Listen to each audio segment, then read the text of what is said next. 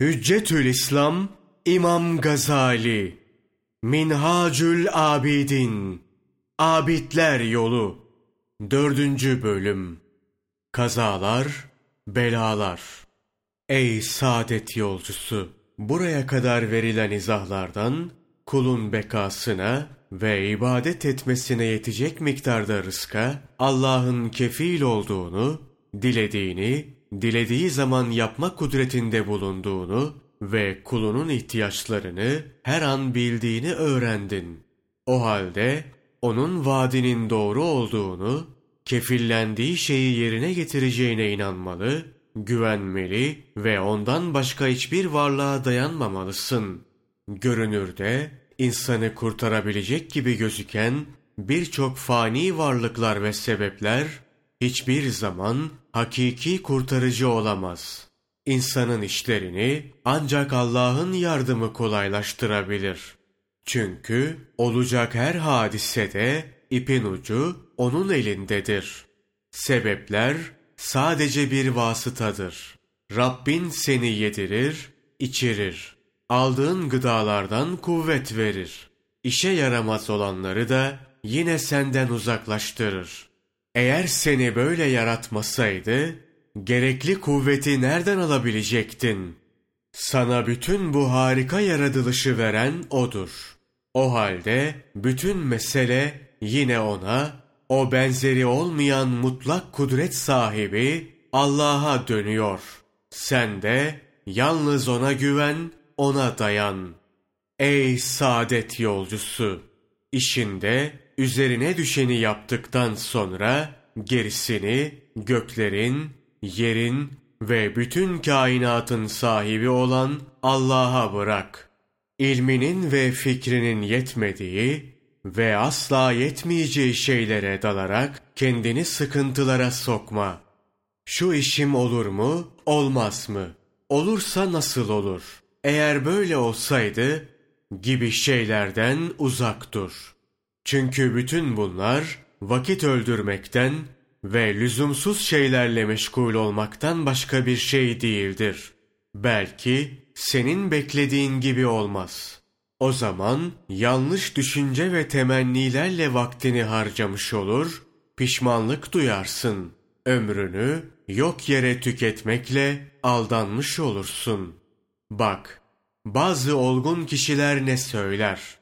Olacak ve olmayacak şeyler üzerinde Allah'ın takdir ve hükmü ezelde tayin edilmiştir. İhtimal olur.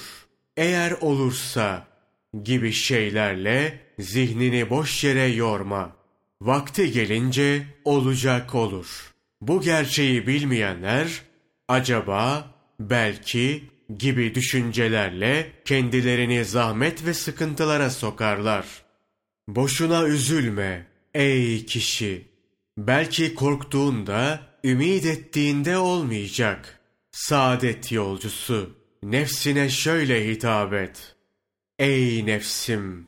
Bana ancak Allah'ın yazdığı isabet eder. O benim malikim, Rabbimdir. Bana kafidir. O benim vekilim, hem de ne güzel vekilimdir. Çünkü o sonsuz kudret sahibidir.'' Kainatta hükmetme hakkı yalnız O'nundur. Merhametinin hududu yoktur. Bu sıfatları haiz olan bir zat, tevekkül edilmeye layıktır. İşler ancak böyle bir kudret sahibine bırakılabilir.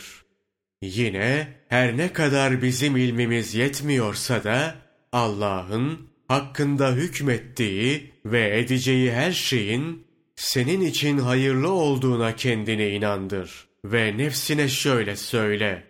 Ey nefsim! Mukadder olan vuku bulur.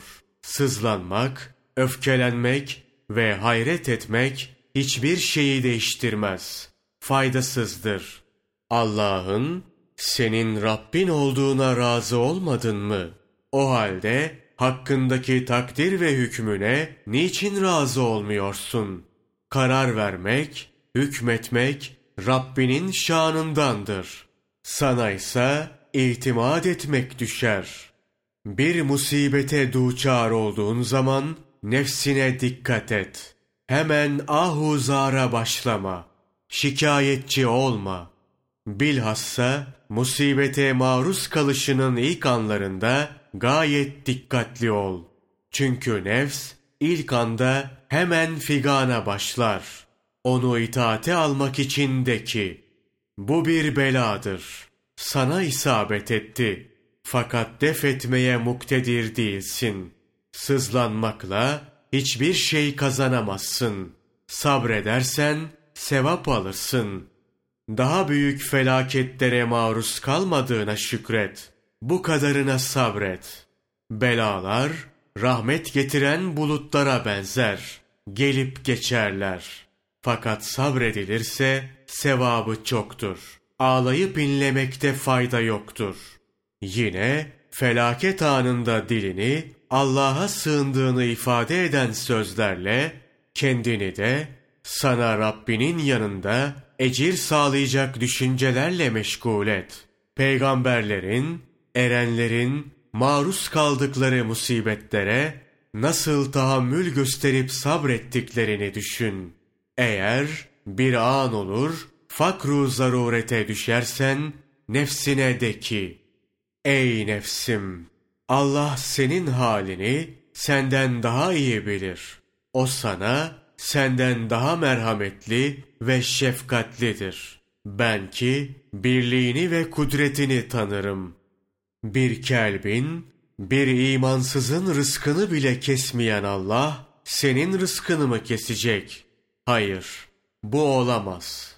Bunda senin vakıf olmadığın bir hakikat, bir sır vardır. Böyle olmasında senin için mutlaka büyük bir fayda olmalı.